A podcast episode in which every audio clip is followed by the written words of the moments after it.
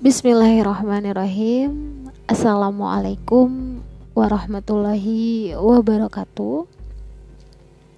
Alhamdulillah pada hari ini kita masih dipertemukan kembali. Terus selalu setia mensupport podcast ini. Dan terima kasih untuk yang sudah mendengarkan Semoga kita semua senantiasa dalam lindungan Allah Subhanahu wa taala. Amin. Kali ini aku mau bawa cerita dari Syekh Walid Abdussalam Bali Hafizahullah. Beliau pernah mengisahkan tentang seorang wanita yang menjaga diri dan mengenakan cadar yang tidak mau pergi ke dokter laki-laki selama ada dokter wanita jadi beliau mengisahkan sosok seorang muslimah yang benar-benar taat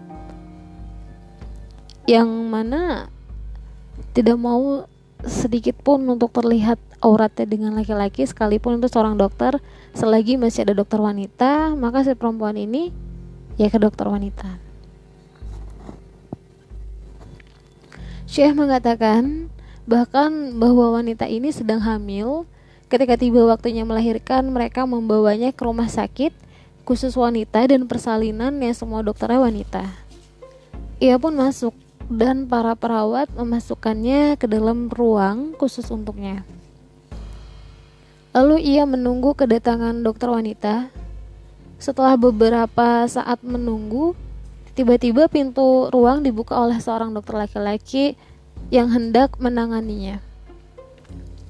Ketika melihat dokter laki-laki, ia berteriak dan secepatnya ia menutupkan kerudungnya pada wajahnya seraya sambil berkata, "Keluarkan dia, keluarkan dia."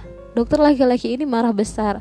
Dokter ini tidak mengetahui etika Islam dalam hal ini dan tidak mempunyai komitmen yang kuat terhadap syariat Islam.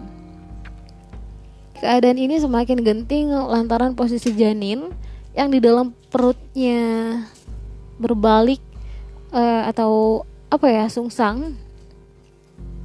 Dokter laki-laki ini berkata kepada perawat tinggalkan dia di dalam ruangan itu dan tutup pintunya.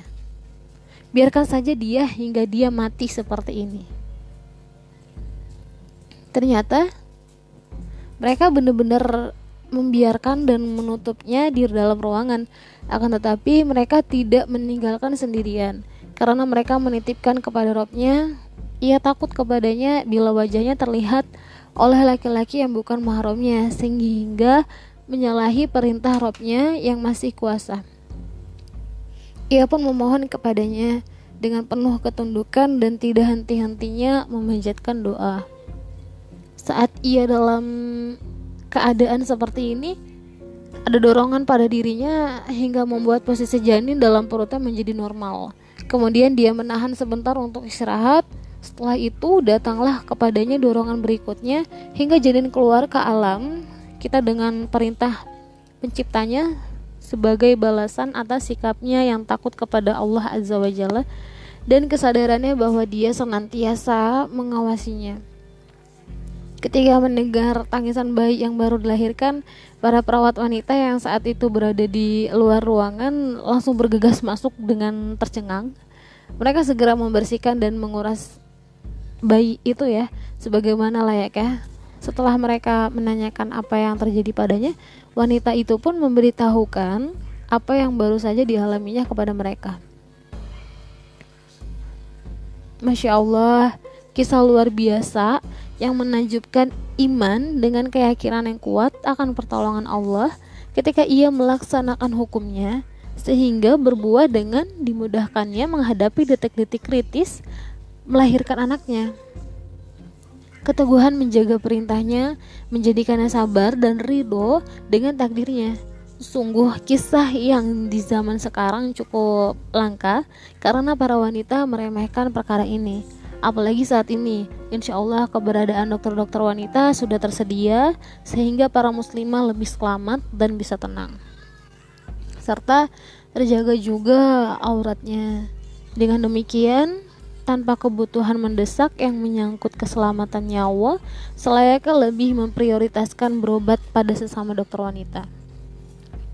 Kebanyakan pelanggaran-pelanggaran syar'i yang terjadi di kamar bersalin karena lemahnya iman. Contohnya, meminta dokter laki-laki menggantikan dokter wanita. Padahal ada dokter wanita dan tidak mendesak mendatangkan dokter laki-laki dalam keadaan takut dan khawatir.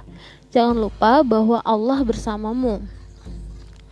Firman Allah dalam surah Al-Baqarah ayat 194 Bertakwalah kepada Allah dan ketahuilah bahwa Allah bersama orang-orang yang bertakwa.